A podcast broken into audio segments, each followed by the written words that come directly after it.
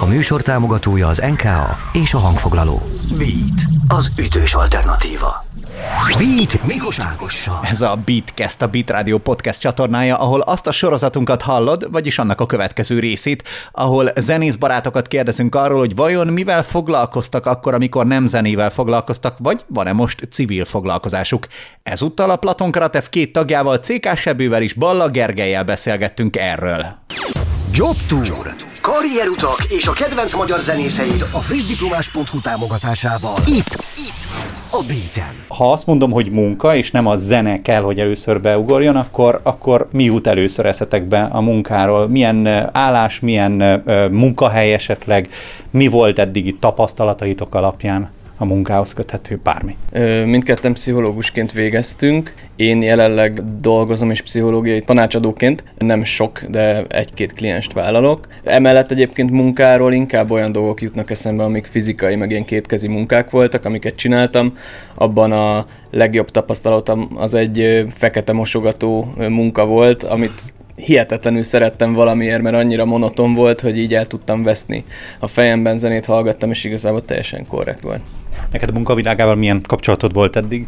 Én az egyetemi tanulmányaim alatt dolgoztam különféle diákmelókat. Az egyik egy ilyen éjszakai ügyeletes voltam egy hostelben, ami, egy, egy nyarat dolgoztam, de teljesen kiégtem benne, mert felborult a bioritmusom, és, és nappal mindig aludtam, éjszaka dolgoztam, és egy idő után nem, nem tett jót a, a hormonháztartásomnak szerintem. Amúgy meg sokáig ilyen ilyen landlord melót csináltam, de hát, hogy, hogy én szedtem be a, a, a lakbért, meg a villanyszámlákat a, a, a lakóktól, ö, illetve takarítottam is, szóval volt, volt olyan, hogy egy akváriumos teltházas koncert után másnap WC-ket sikáltam, ami, ami egy erős kontraszt volt, de szerintem fontos megtapasztás volt az is, szóval én, én nem bánom, hogy így alakult.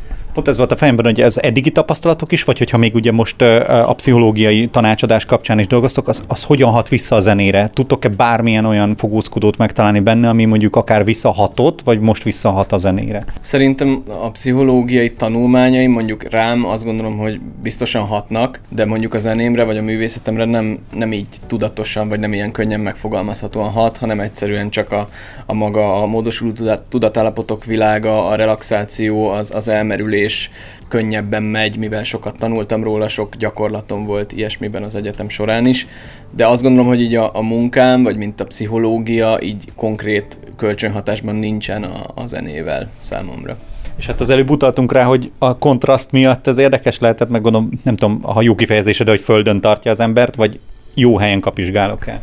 Igen, abszolút, de hát, hogy van egy, van egy olyan része, hogy, hogy igen, amit te is mondasz, talán ennél jobban nem is lehet kifejezni, hogy földön tartja az embert, nem mint hogyha amúgy, amúgy nagyon így elszállnánk magunktól a, a hétköznapokban. Amúgy az előző kérdéshez még én is úgy tudok kapcsolódni, hogy, hogy igen, így a tanulmányaink során ezek a imaginációs, relaxációs gyakorlatok, ez, ezekből merítünk a, az alkotás során is, illetve ezek a pszichológiai kifejezések, fogalmak adnak egy olyan szóbeli eszköztárat, amit akár dalszövegbe is be tudunk csempészni.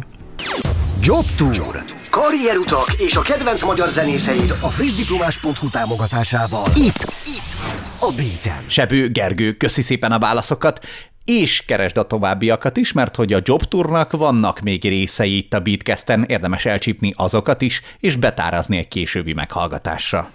Beatcast. Ez a podcast a Beat saját gyártású sorozata. Beat, az ütős alternatíva.